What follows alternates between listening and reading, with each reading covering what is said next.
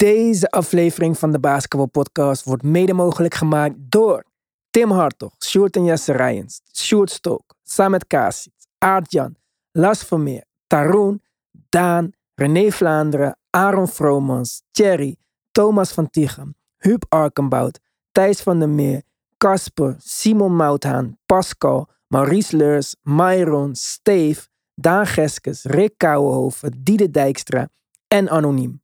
Speciale shout-out naar de GOATs. Robert Heiltjes, Yannick Tjongajong, Wesley Lenting, Robert Lute, Stefan Groothoff en Jan van Binsbergen. Shout-out naar Simon Moutaan voor het upgraden naar het supporterpakket. En een hele dikke shout-out naar Jan van Binsbergen voor upgraden naar het GOAT pakket. Voor iedereen die wel petje af heeft, maar nog niet in ons groepsgesprek zit, kom ons joinen, want je mist wat. Het was als basketbalfan in Nederland nog nooit zo leuk om de finals te kijken.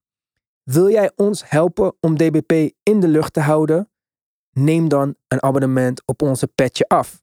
Zo help je ons ook te bouwen aan deze mooie community. Dus als je extra podcast wilt of je wilt meechatten, ga dan naar onze petje af, petje.af slash de basketbalpodcast. Als je ons alleen wilt steunen, kun je ook een donatie maken, zoveel als je wilt. Ga naar de basketbalpodcast.nl en kies luister op petje af. Alle support wordt gewaardeerd. Let's go!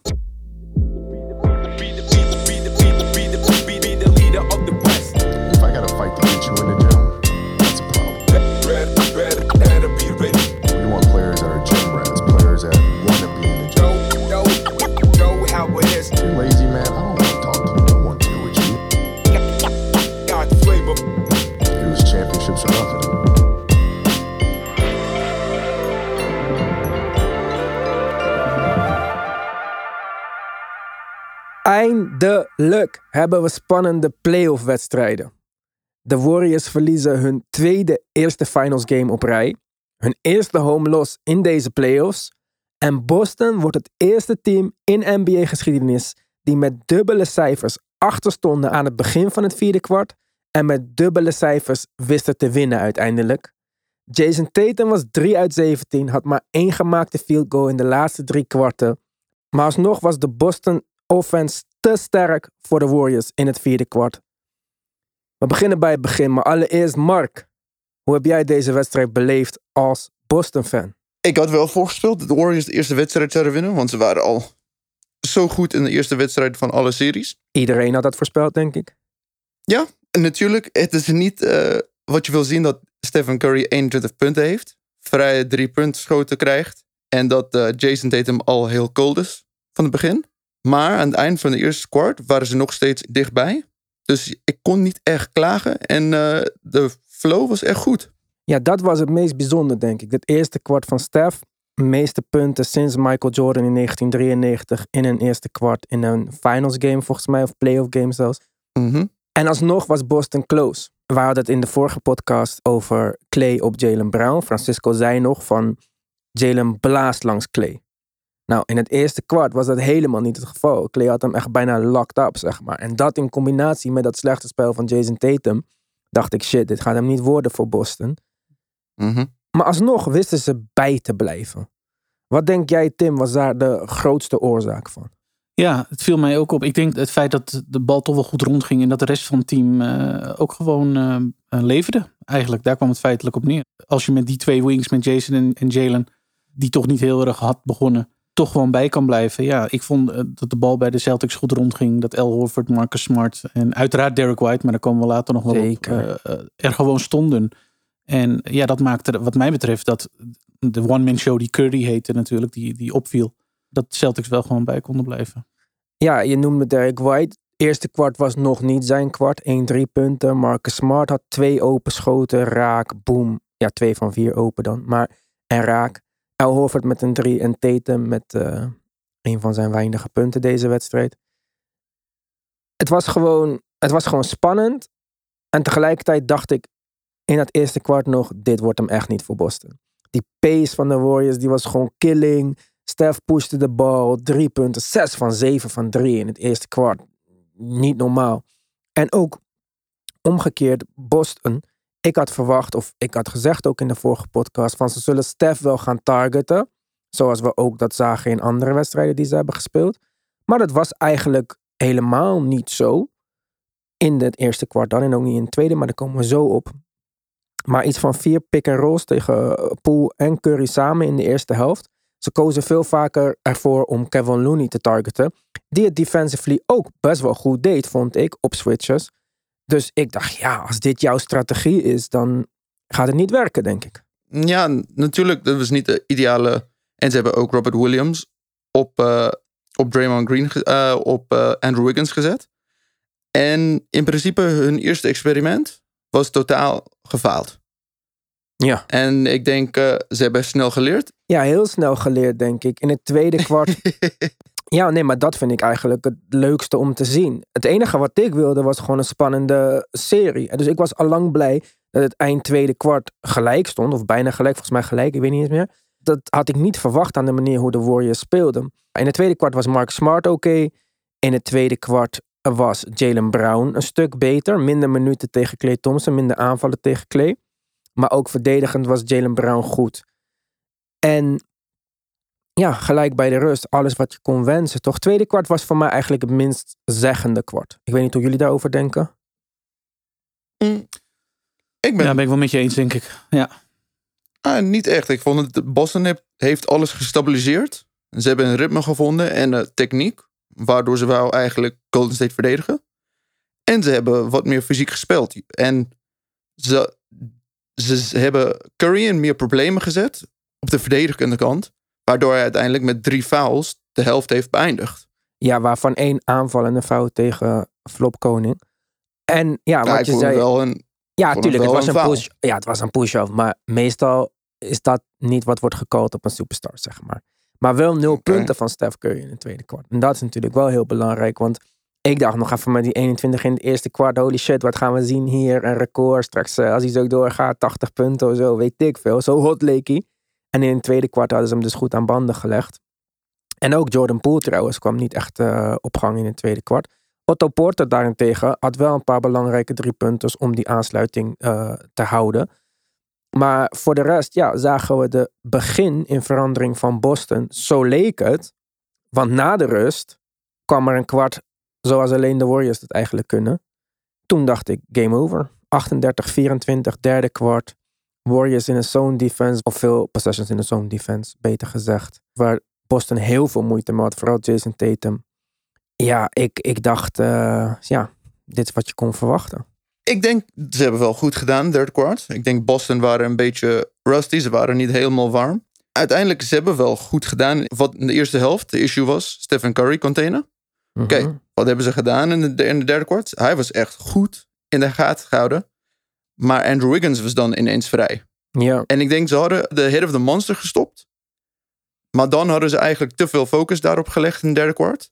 Waardoor de anderen een beetje warm kwamen. Want in de eerste helft had Stephen Curry meer dan de helft van de schoot genomen van het hele team. mhm.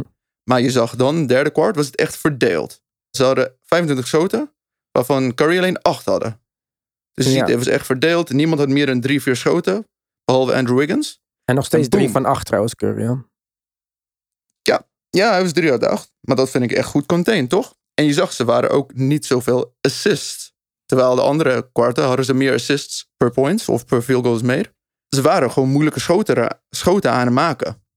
Ja, en jij zag niet zoveel assists van de Warriors, maar ook bij Boston niet zoveel assists in het derde kwart. Ik zag voornamelijk in de eerste helft de momenten dat Boston het meest hot was, was de momenten waarop zij ook de bal moveden. Ik denk dat Boston Mhm. by far beter is als ze de bal moven. Zeg maar. Al deze ISO-dingen, dit is waar ze aan het begin van het jaar problemen mee hebben. Pas toen ze dat hebben geswitcht, ging het beter. En natuurlijk kan dat voorkomen in een wedstrijd. Het kan niet altijd maar zo zijn dat de bal rondgaat. Ja, behalve bij Golden State misschien. Maar ze zijn gewoon beter als de bal move. En daarom dacht ik ook op een gegeven moment, want ik was niet zo enthousiast over Boston per se in de finale. Of tenminste, Mhm. iedereen was heel erg enthousiast en ik was niet per se zo enthousiast. Maar toen ik het zat te kijken, deze wedstrijd, dacht ik wel van ja, dit is sowieso de leukste matchup. Want deze teams allebei spelen, denk ik, het meeste team basketbal bijna van de hele Ja. NBA. Ja, misschien de Spurs nou of zo. Maar dat, dat is gewoon het leukste om te kijken. En Vond ik ook mooi om te kijken. En dan zie je ook dat zelfs in een wedstrijd waar Jason Tatum niet zo goed is. Want hij had in het derde kwart ook maar weer vier punten. Dan heb je toch nog steeds een wedstrijd. En dat komt door team basketbal. Want als Jimmy Butler niet goed zou zijn geweest met nul punten, dan was het game over. Snap je? Dus daarom Mhm. was ik wel blij uiteindelijk dat we deze serie hebben. En leuk om te zien sowieso wat El Horford doet in zijn finals debut. Derde Ja. kwart ook weer goed. Twee drie punten, twee uit drie. Hij leek wel, eh, ja weet ik veel, Brook Lopez in zijn beste drie punt tijd of zo.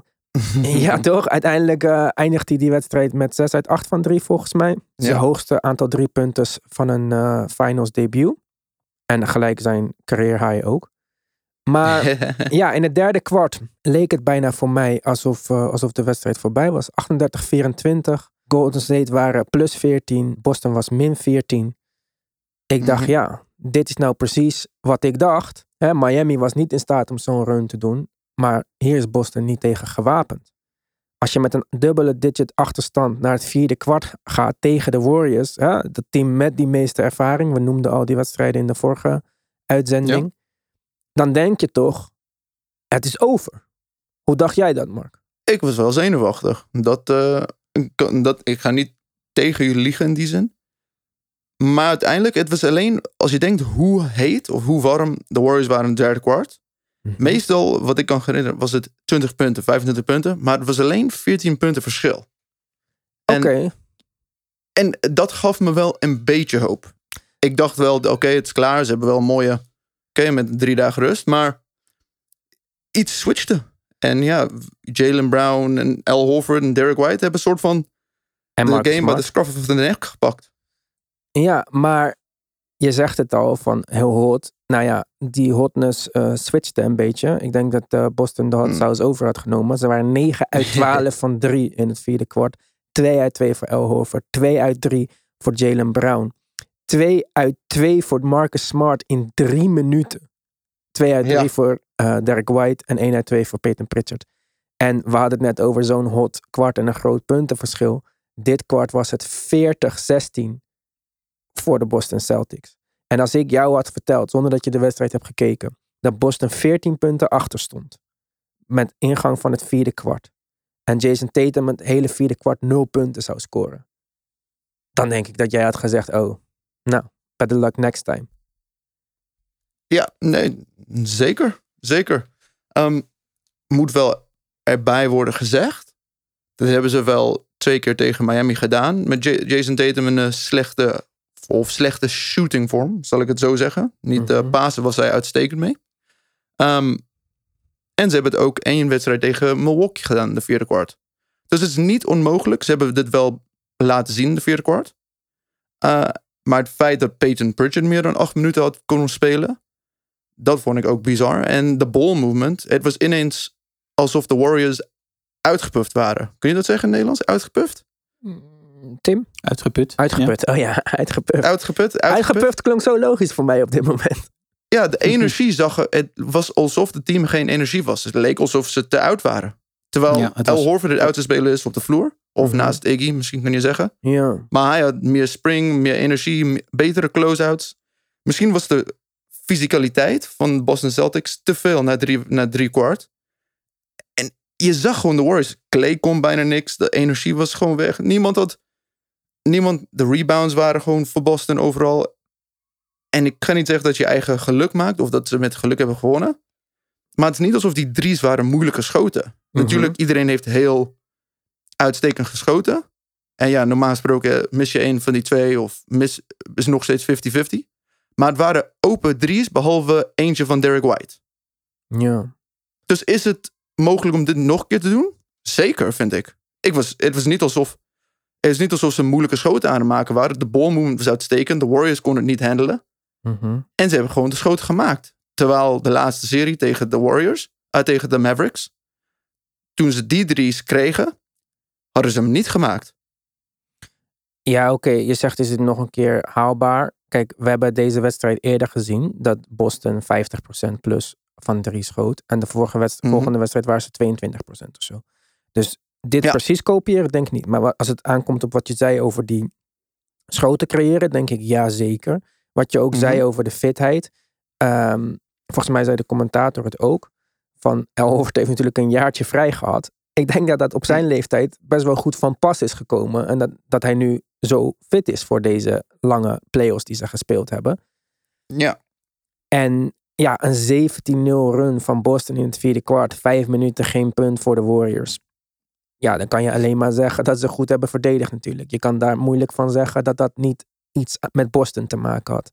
En aanvallend gezien gooi je er dan 9 uit 11 van 3 bovenop. Waarvan dus, zoals je zei, veel open schoten. Ja, dat is niet normaal. En, maar eh, vond je, het, vond je dat de Warriors het wegliet? Of vond je dat de Boston, Boston heeft het eigenlijk verdiend? Of, Ik vond dat Boston het verdiend heeft. Ik bedoel, als je keek... dat is wel positief, toch? Dat is, Ja, maar ik ben, nooit keer in de nega- finals. nee, maar ik ben nooit negatief over eh, Boston of zo. Ik ben neutraal. Mm, het kwam alsof je, je deze team niet had goed ingeschat. In de laatste aflevering, zal ik het zo zeggen. Boston-fans zijn gewoon gevoelig over hun team. En we hebben te maken met veel Boston-fans onder de luisteraars van de basketbalpodcast. En veel Boston-fans in deze podcast, aangezien 30% Mhm. van deze podcast op dit moment voor eh, Boston is. En trouwens, nogmaals, ik heb nooit gezegd dat Boston geen goed team defense heeft of geen goede team offense. Ik heb alleen gezegd dat je een andere playmaker nodig hebt, behalve Marcus Smart. Nou, die heeft drie minuten gespeeld in het vierde kwart. En dat Jason Tatum geen killer is. En hij had nul punten in het vierde kwart. Dus Zal, kan ik even hierop terugkomen, op de Jason Tatum stukje? Marcus Smart, kan ik wel begrijpen. ja, Eh, het feit dat de Warriors, Nick, het feit dat Stephen Curry moeite had met Peyton Pritchard. mhm, Een beetje alle Dellavedova of een beetje alle Ty Lue op Allen Iverson. mhm. Vond ik wel interessant. Dat ze dat, dat hij, hij kon eigenlijk niet makkelijk weg. Hij kon niet slippen door de screens. Het was moeilijk voor hem. Dus dat vind ik, ik ben benieuwd hoe, de Warriors dat gaan aanpakken. Want in principe, Peyton Pritchard is gewoon een hardwerkend verdediger, maar geen goede verdediger. Jij zegt van hij is, niet, hij is een Della Vadova-achtige verdediger. Hij is niet je beste verdediger. Want je beste verdediger, Defensive Player of Mm. the Year, op die positie zit op de bank in het vierde kwart. Ja, hij ride the hot hand, toch? Ja, Dat was het belangrijkste en het werkt. Jalen Brown, fantastische vierde kwart. En niet alleen deze wedstrijd, deze hele playoffs, 64,5% van drie in het vierde kwart. En leidt alle spelers met punten in het vierde kwart.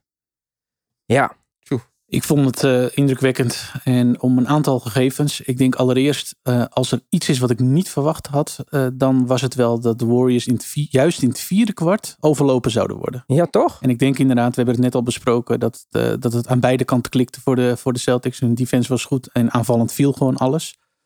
Nou, nou kun je je direct afvragen, hoe sustainable is dat? De ervaring leert bij de Celtics in deze playoffs. Dat als ze inderdaad zo'n shootingwedstrijd hebben, dat, eh, dat dat niet direct eh, de rest van de serie ook op die manier gaat. Maar er zijn een aantal tegenargumenten die je kan bedenken. eh, waarmee, je, waarmee je wel weer, ehm, eh, laten we zeggen, ehm, het succes voor, voor de rest van de series voor de Celtics kan, kan inpraten. Maar in dit vierde kwart, ja, ik, ik vond niet alleen Jalen Brown, Derek White viel me weer op als hij aanvallend zo agressief is als dat hij deze wedstrijd was. En met name in dat vierde kwart, ja, dan vind ik het echt zo'n toegevoegde waarde voor, voor de Celtics vanaf de bank. En als je inderdaad net, net al aangeeft dat Marcus Smart het grootste deel van het kwart op de bank zit. En ze juist dan de wedstrijd helemaal omgooien.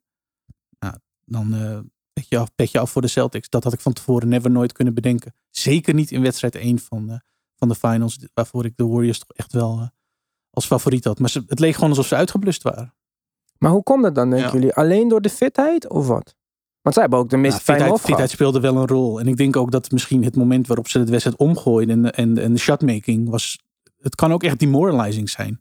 En ik had het gevoel dat dat echt wel samenviel. Dus dat er een, misschien een kentering was überhaupt in, in de fitheid. Wat, wat me verbaast. Want ehm, de Warriors waren juist de- de- van de twee ploegen degene die het meest uitgerust zouden zijn. En Ja. het meest ervaring hebben. Dus ja, dan mag je toch verwachten dat ze in crunch time of überhaupt in het vierde kwart er wel zullen staan. Maar als dan de Celtics het licht uitschieten, juist in die fase ook. Ja, dan was dat blijkbaar die, misschien een combinatie daarvan. Die, die zorgde dat ze gewoon, eh, ja. Ik vond ze er echt uitgeblust uitzien inderdaad. Ja, uitgeblust. Maar ook denk ik door de aanpassingen van Boston. Kijk, zij hebben er zelf voor, Hm. voor gekozen, de Warriors, om zo'n hoge pace te spelen in de eerste helft. Ja, dan, dan schiet je eigenlijk toch jezelf in de voet nu. Ja, eens. En een, een underrated part daarin is, je noemde net al right the hot hand. Eh, Curry kwam natuurlijk uit een, uit een eerste kwart waarin hij ook, eh, eh, laten we zeggen, unstoppable was. En zat, het, zat de helft van het tweede kwart vervolgens op de bank. Ja, Ook niet echt een voorbeeld van right the hot hand. Nou kun je zeggen, ja, met, met Curry's leeftijd moet je je rotatie in dat geval niet direct omgooien. Als je ziet dat hij dat die zo opdreven is al in het eerste kwart. Want hè, we moeten nog een hele wedstrijd. Hij speelt Nee. 38 Zou- minuten, is niet niks natuurlijk hè, in deze wedstrijd. Nee, zeker niet. En op een gegeven moment, op, op een bepaalde leeftijd, moet je inderdaad ook eh, gewoon eh, eh, je, je minuten limiten.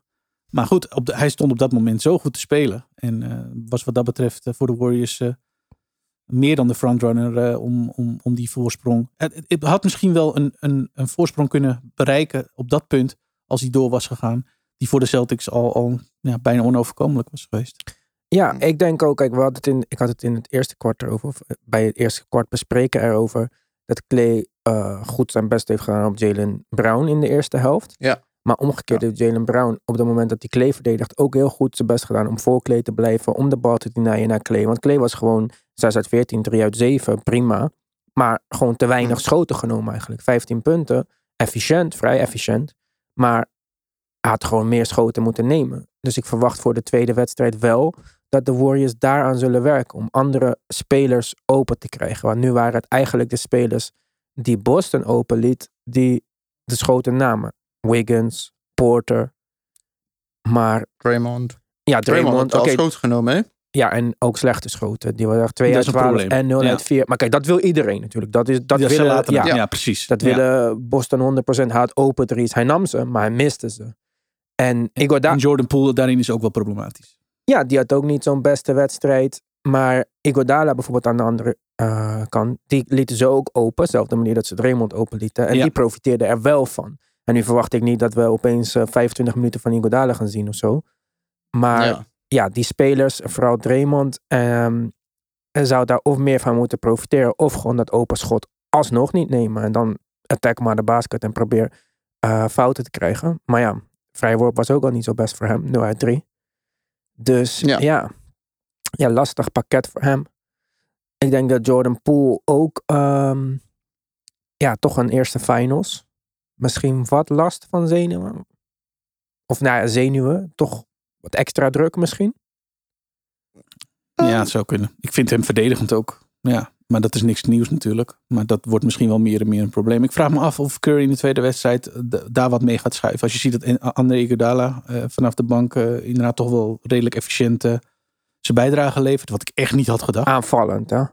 Aanvallend vooral, ja. En, maar goed, hij is, eh, het is niet dat Poel opeens een veel betere verdediger is. Alles behalve zelfs. Dus Mhm. ik weet niet of, of daar misschien een mogelijkheid... Ik van Otto Porter vond en vind ik eh, steeds belangrijker worden voor de Warriors. Ja. Eh, ik denk in deze serie ook een, eh, een belangrijke rol met zijn eh, fysieke gegevens, zeg maar.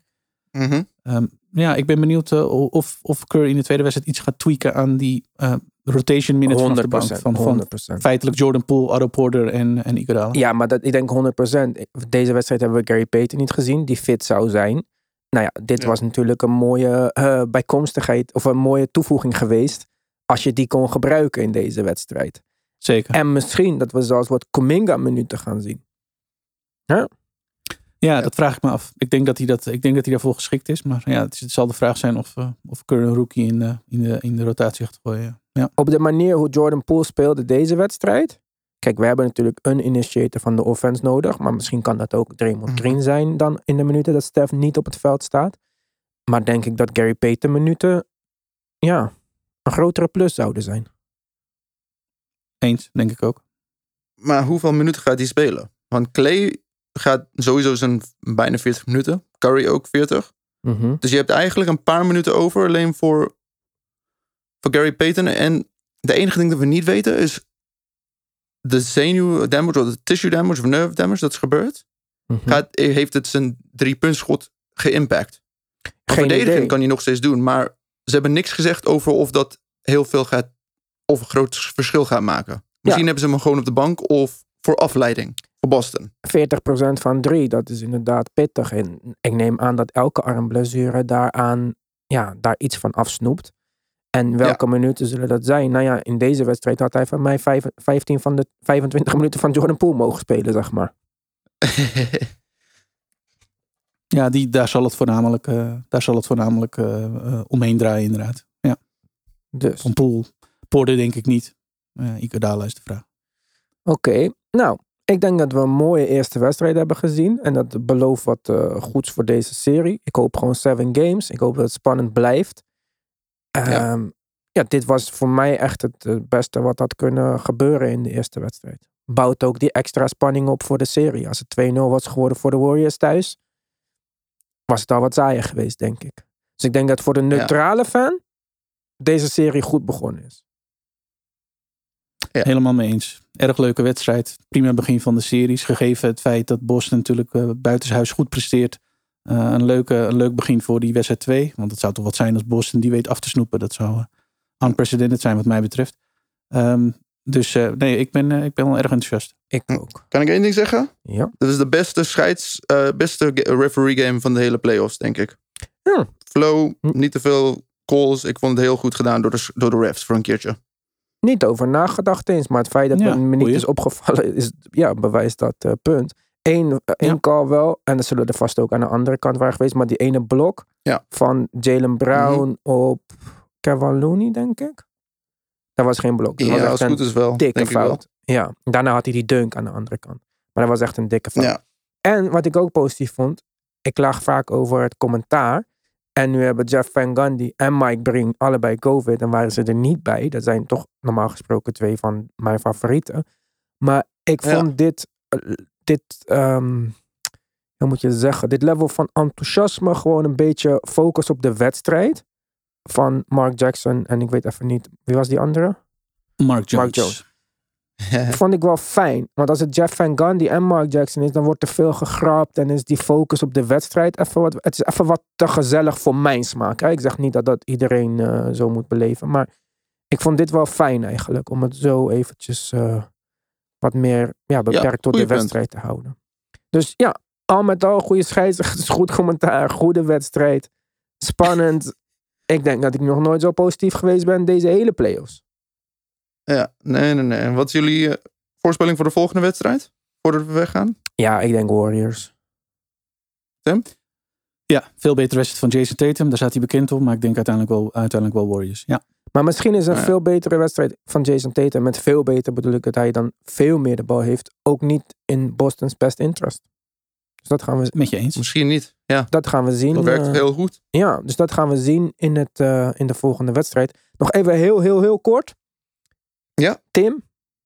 Ja. Rick Brunson, assistentcoach van de Knicks. Jalen Brunson, New York Knicks number one target. Hoe Let's voel je hierdoor? ik, eh, vraag me, ik vraag het me af. Maar ik vind het een hele leuke eh, smokescreen. Wat nu opgetrokken wordt met deze aan, aanstelling van Rick Brunson. Het zou toch wat zijn. Maar ja, nee, ergens hoop ik het niet. Want eh, dat laat Dallas met echt wel een serieus probleem achter. Dus eh, eh, laat het alleen zijn vader zijn dan. Ik denk dat het zo opvallend is dat het iets van een 3D chess move is of zo. Dat ze eigenlijk een Ja. andere point guard willen en doen alsof ze achter. Want eh, anders is het toch een beetje, ligt het er toch te dik bovenop. Dit, ik ja, weet, het ligt er wel echt Ja, dik bovenop. ik weet dat hij gewoon een coach is en zo, maar dit is bijna tampering. Als, het echt, als ze echt achter Jalen Brunson aangaan, dan is dit toch tampering. Gewoon je vader ja, dan, aannemen. eh, dan, dan, dan kijkt de league offers wel mee, denk ik. Ja. Ja, dus dat vond ik wel eh, opvallend. Jij tagde mij. Ik dacht, nou, dat kan je. Dit is gewoon te overdreven. Dit is echt. maar goed, als het wel werkt, dan is het echt dom van Dallas dat zij hem niet hebben aangenomen. Ja, helemaal, helemaal mee eens. Ja, dat denk ik ook. Ik zou het heel bijzonder vinden. Ik, weet niet of we hier voorbeelden van hebben, maar eh, nee. Ik, eh, erg voor Dallas. In Dallas interest hoop ik het oprecht niet. Want eh, nou goed, we zijn met z'n allen bekend met, met de cap situatie daar. Ja. Als, eh, als Brunson weggaat, dan hebben ze echt wel een probleem. Oké, nou laten we hopen dat dit dan een, eh, een smokescreen alleen is. eh. Goed, wij zijn er maandag weer. Dan is eh, game 2 van de finals gespeeld. Ik hoop dat jullie met net zoveel plezier hebben gekeken naar, eh, deze, serie, naar deze eerste game uit deze serie. En eh, met net zoveel plezier hebben geluisterd als dat wij hadden met het opnemen. Nogmaals, tot maandag. Prettig weekend. Bedankt voor het luisteren. Adios.